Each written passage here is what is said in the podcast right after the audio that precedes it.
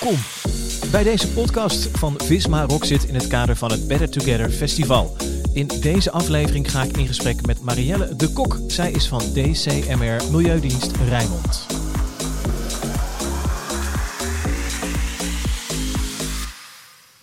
Ja, wat leuk dat je luistert of kijkt. Uh, we maken zowel een uh, videovariant als een luistervariant. Als je kijkt, dan zie je hier de studio in de fabriek. De Visma Rockzit Better Together Studio. En uh, zie je ook dat mijn, mijn volgende gast via beeld bij ons is. voor iedereen inmiddels zo'n zo'n bekend gegeven eigenlijk. Dat beeldbellen in Teams of in Zoom. En op deze manier heb ik Marielle de Kok toch dichtbij van de DCMR Milieudienst Rijnmond. Um, Marielle, welkom. Goedemorgen. Goedemorgen. Uh, ja, jullie zijn uh, bij de DCMR uh, Milieudiensten ja, bezig met van alles in een heel groot gebied ook nog eens. Ik beschrijf het expres een beetje zo, zo groot en, en abstract. Um, want het zijn 15 gemeentes, geloof ik, die, die jullie bedienen. Um, in, in de provincie Zuid, Zuid-Holland. waar hou je je op dagdagelijkse basis zo'n beetje mee bezig? Uh, ik hou me bezig met uh, nou, eigenlijk een klein stukje milieu. Uh, dat is het stukje waar het gaat over bodemverontreiniging. En nou ja, op, op dit moment eigenlijk vooral met het stukje waar we aan het nadenken zijn hoe bodem straks onder de omgevingswet vorm gaat krijgen. Ja.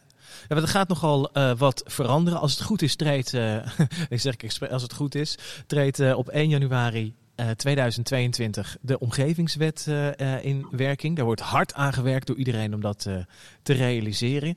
En ja, goed om het even te hebben over de consequenties die er zijn voor onder andere het BIS, of is het de BIS, het bodeminformatiesysteem.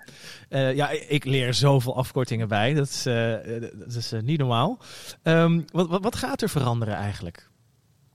Nou, wat er, wat er met name gaat veranderen is dat uh, voor bodemverontreiniging een deel van de taken overgaat van uh, de provincie uh, naar de gemeente. Dus betekent dat de gemeenten een grotere rol krijgen.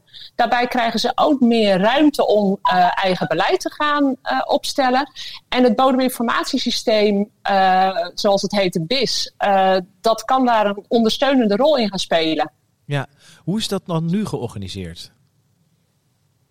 Nou, op dit moment uh, hebben de gemeenten ook taken als het gaat over bodemverontreiniging. Uh, bijvoorbeeld uh, bij bouwaanvragen kan de gemeente toetsen of de bodem goed genoeg is om daar bijvoorbeeld een woning op te bouwen.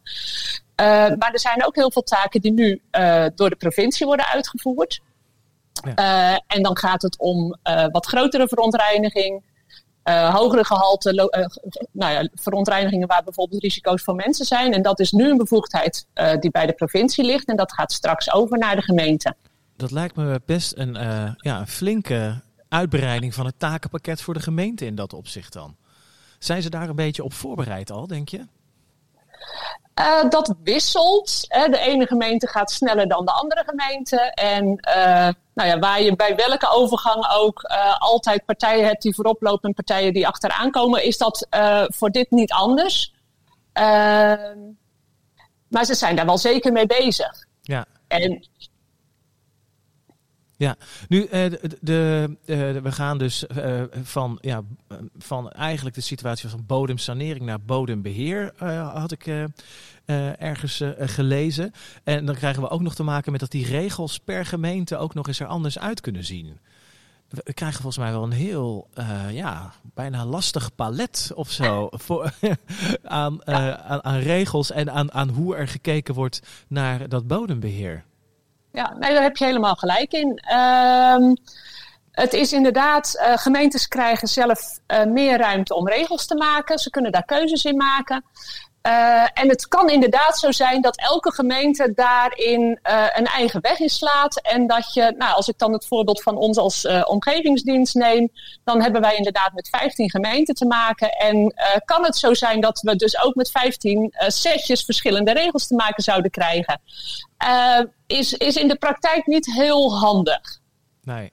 Wat, wat, zijn, wat zijn daar mogelijke uh, oplossingen voor? Maar hoe wordt daarop op, op voorgesorteerd? Ik denk, want uiteindelijk is het hele idee juist uh, om ook uh, ja, te vereenvoudigen. Om, nou, die omgevingswet is in eerste instantie volgens mij toch ook bedacht, juist omdat we de situatie zoals die was niet, meer, niet meer wenselijk vonden.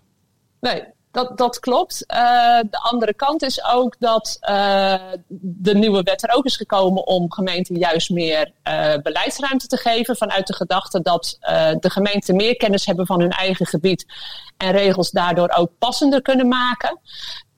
Er wordt wel zeker over nagedacht om die regels op elkaar aan te gaan laten sluiten. Omdat er eigenlijk geen gemeente is die het wenselijk vindt dat er op al die gebiedjes verschillende regels komen. En de is bij de meeste gemeenten dat ze inderdaad zeggen dat, we willen, dat ze willen samenwerken waar dat mogelijk is. Uh, en dat wordt ook vanuit de omgevingsdienst gestimuleerd om te gaan kijken daar waar je die keuzes hebt. Of je dan inderdaad zoveel mogelijk gelijke regels kan gaan stellen. En dat is een traject van samenwerken met elkaar en kijken hoe ver je daarin komt. En wanneer het zinvol is om wel andere regels te gaan stellen. Ja, als, als er iets is volgens mij wat die samenwerking tussen al die partijen uh, gestimuleerd heeft, is het wel het, de aankondiging van de omgevingswet. Omdat je, je moet wel om, uh, om op een goede manier straks die omgeving ook te bedienen of, of te veranderen of op te ruimen of, of daarin te, te bouwen. De gemeentes die nu zouden luisteren of, of kijken, ehm, ja, hoe, hoe, wat zou je ze willen meegeven zeg maar, op hoe ze zich het beste voorbereiden op die, op die verandering? Er zal natuurlijk ook nog een, een overgangsperiode zijn. Uh, tussen uh, uh, de regelingen. Maar ja, wat, wat, kun je gewoon nu al doen om goed voor te sorteren? ik denk vooral in gesprek gaan met in ieder geval de omgevingsdienst die binnen je regio bestaat. alle gemeenten binnen heel Nederland is opgedeeld in regio's waar omgevingsdiensten werken. En ik zou zeggen, ga vooral dat gesprek aan met de omgevingsdienst en met de provincie uh, waar je onder valt, om te kijken waar je inderdaad kan samenwerken. En uh, kijk, heel veel gemeentes hebben ook de kennis uh, niet volledig in huis, omdat ze de taken vaak al bij de omgevingsdienst hadden liggen. Dus ze kunnen het ook niet helemaal alleen.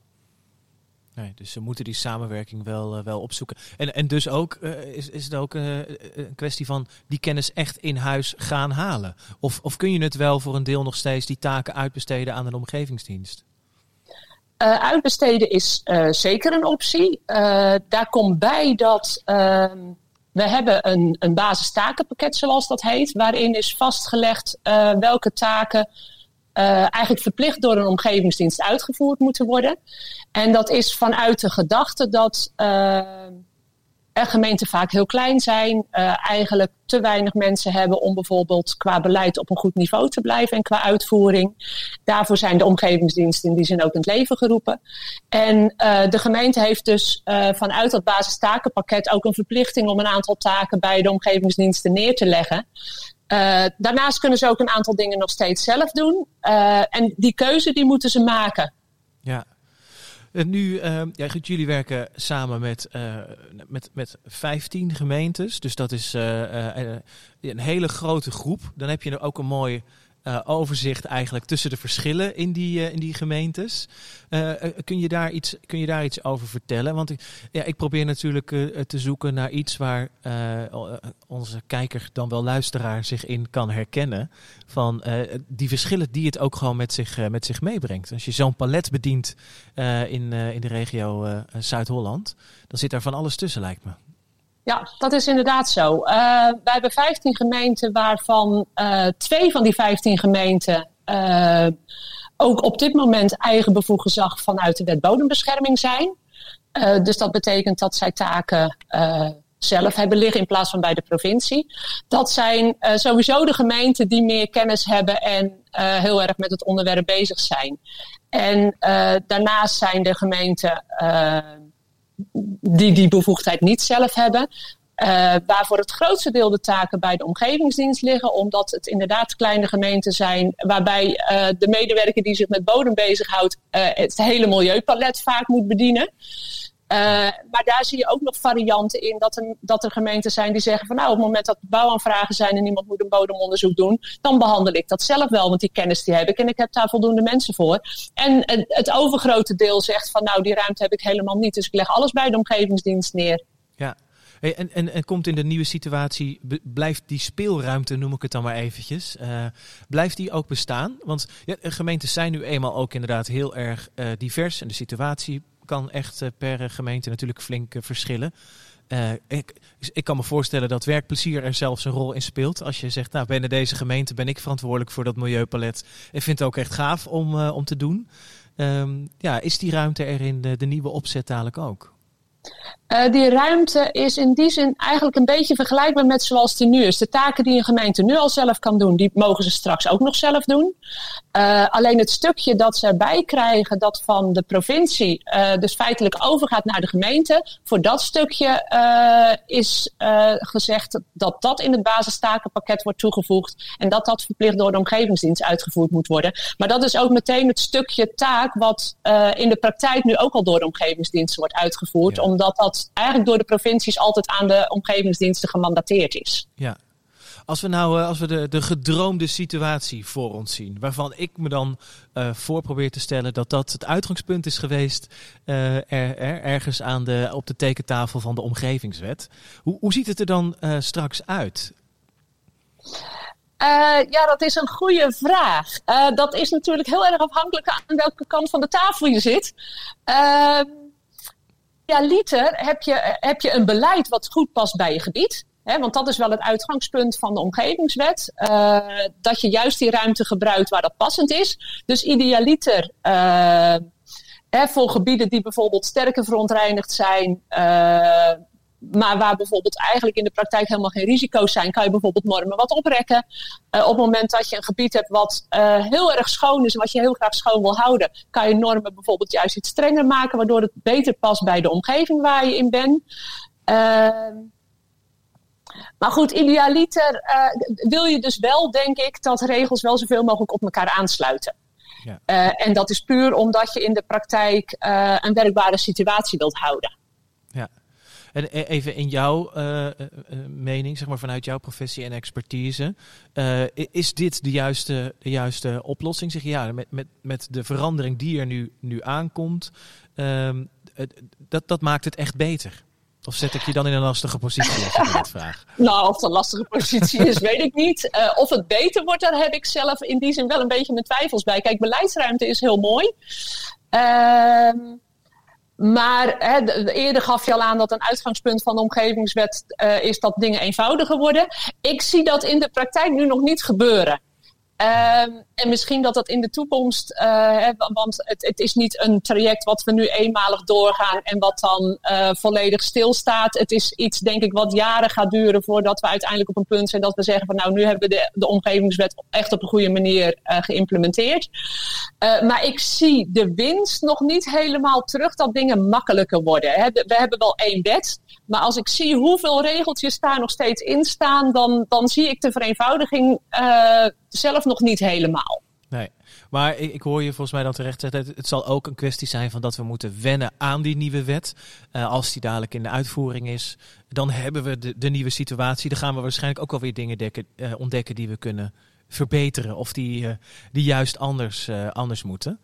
Ja. Um, ja, dus even om, om, om, het, om het goed nog uit, uiteen te zetten. Dus de belangrijkste uh, verandering. Want, ik, ik, kan me zo voorstellen dat als je van een gemeente bent en nu luistert, dan heb, dan heb je je natuurlijk al, al in verdiept. Dus dan weet je wel de, welke verantwoordelijkheden naar je toe komen. Maar uh, in de uitvoering is wel, wel goed dus echt om rekening te houden dat uh, nou, de manier waarop dus uh, gekeken wordt naar, nou in dit geval dan bodemkwaliteit en bodembeheer, dat, dat die verandert. Dus hij komt terecht bij de gemeente, maar de manier waarop je kijkt verandert ook. Ja, en, en wat daar nog aardig in is, wat, wat er vooral verandert, is dat uh, op dit moment saneren we vooral omdat er. Uh, uh, eigenlijk wordt er nu gesaneerd omdat er een verontreiniging aanwezig is, laat ik het zo zeggen. En wat er verandert is dat je uh, straks helemaal niet meer gaat saneren omdat die verontreinigingen ligt. Er moet altijd een aanleiding zijn. dus iemand moet iets willen gaan doen. je moet uh, ergens iets willen gaan bouwen of je moet kabels en leidingen uh, verleggen, waardoor je moet gaan graven. Er moet een aanleiding zijn om te gaan kijken van, goh, wat is dan de kwaliteit van de bodem en, en hoe moet ik daar dan nu mee omgaan? En dat is eigenlijk het grootste verschil. Saneren is op zich niet meer een doel. Nee. Maar eh, ik kan me voorstellen dat daar, dat daar sommige mensen ook uh, hun wenkbrauwen over fronzen. Die zegt ja, het is natuurlijk niet, niet zo dat er met een omgeving niets gebeurt. Uh, dat, dat sanering, of hoe zeg je dat, dat een verontreiniging, dat dat een stilstaand iets is. Ik kan me voorstellen dat voor sommige mensen dat juist ook een, een, spannend idee is. Van oh, er is daar verontreinigde grond, maar zolang ze er geen leiding doorheen gaan trekken, zal het er gewoon blijven liggen. Uh, maar, maar dat is misschien meer iets wat in de, uh, hoe zeg je dat, in, op, op gevoelsniveau uh, bestaat, dan dat het echt een bedreiging vormt. Ja, en daar, daar zie je zelfs grote verschillen in. Uh, dat gevoelsniveau van, ik, ik, ik zeg maar wat, hè, mensen die in een stad als Rotterdam wonen, ja. uh, beleven dat op een hele andere manier dan wanneer je in een deel van Nederland woont waar het bijvoorbeeld heel erg schoon is. Ja. En je merkt dat mensen ook uh, leren omgaan met zo'n situatie. En wat dan vooral belangrijk is, is of er een verontreiniging aanwezig is waar je direct een risico bijvoorbeeld mee zou lopen. Ja. Ehm, en, en verder op het moment dat niet, dat niet zo is, dan wordt er eigenlijk met die verontreiniging omgegaan op het moment dat je iets in die grond wil. Ja, dus dat is wel, dat is een stuk reactiever eigenlijk dan, dan hoe het misschien nu is, dat er proactief uh, gesaneerd wordt. Ja, eh, eh, je, dus voor jou om te weten, ik woon in Dordrecht. En, uh, ik ook. Echt waar? Ja, nou ja, dan weet je, er zijn zo wat fabrieken in de omgeving dat je, dat je soms wel denkt, ja, nou, ik weet het niet. Maar ja. uh, um, uh, ik, ik, ik denk dat, dat je gelijk hebt inderdaad, dat dat, dat, dat wat dat betreft ook, nou, dat is ook gemeentespecifiek of, of gebiedspecifiek. Um, ja, dus voor, voor jullie in, in de regio waar jullie actief zijn, um, ja, hoe, bereiden jullie je voor op deze, deze verandering? Want jullie takenpakket zal er misschien dan toch ook uh, veranderingen kennen? Uh, jazeker. En wij zijn heel druk bezig met, nou ja, wat ik eerder aangaf, de samenwerking met provincie en gemeente, om de kennis die wij hebben te delen. wij zijn ook vooral bezig om te kijken waar je gezamenlijk beleid kan gaan voeren.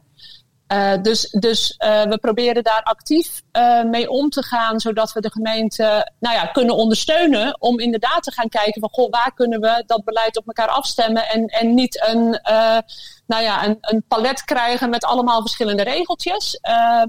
En we zijn vooral bezig om te kijken van goh, wat gaat er nou precies over van de provincie naar de gemeente?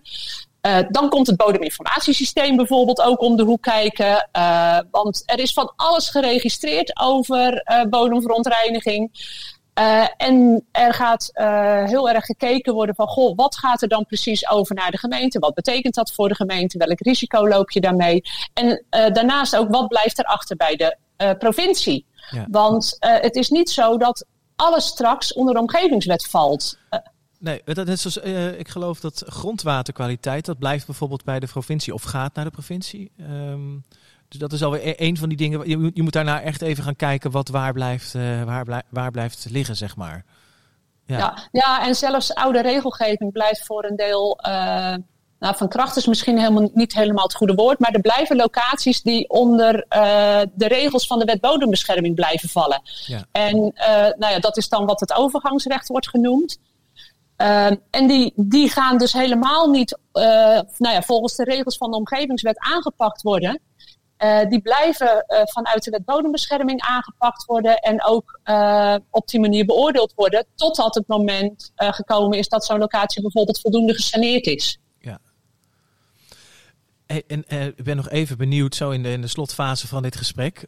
jij bent ook sinds 2019 voorzitter van de gebruikersvereniging Ondergrond. Hoe kijk jij uh, met die pet op, zeg maar, naar, uh, naar deze wijzigingen? Ja, uh, nou vooral vanuit de gedachte dat het huidige bodeminformatiesysteem, zoals we dat nu kennen, dat is heel erg gebaseerd op de wet bodembescherming. En vanuit het verleden. Eigenlijk zitten we nu een beetje in een lastige situatie. Er zit heel veel historie in. En vanuit de historie, daar zit dus een stukje wet bodembescherming in. Maar in het verleden waren er twee typen bissen vanuit de wet bodembescherming en een bodeminformatiesysteem eigenlijk voor de gemeentes. Dat is op een gegeven moment samengevoegd. Waarbij we nu een situatie hebben gekregen dat het niet zo eenduidig meer is uh, hoe we bijvoorbeeld een locatie registreren. Soms is dat omdat er een beschikking uh, vanuit de wet bodembescherming ligt, omdat er een verontreiniging is. Maar soms heb je een locatie ook omdat er bijvoorbeeld gebouwd wordt en iemand een onderzoek doet. Uh, en richting de omgevingswet uh, zou ik het heel mooi vinden op het moment dat uh, dat bodeminformatiesysteem weer beter gaat aansluiten bij uh, de, de, activiteiten waar we vanuit de omgevingswet mee te maken krijgen.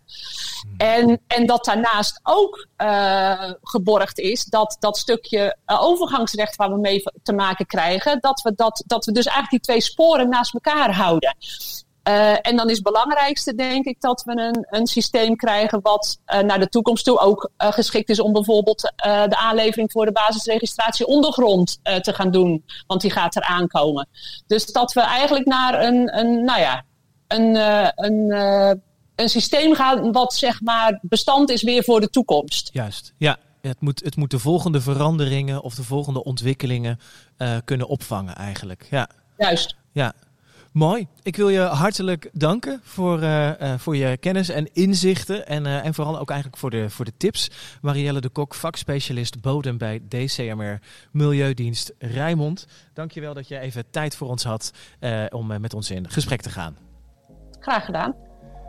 Heb je deze podcast geluisterd en je denkt: wacht even, dit is interessant? Hou hem dan niet voor jezelf, maar deel hem met collega's of je netwerk. Er zijn meer podcasts gemaakt in het kader van Visma Rocksit Better Together Festival. Je kunt ze allemaal vinden op de festivalwebsite. bettertogetherfestival.nl Bedankt voor het luisteren en voor het kijken en graag tot de volgende.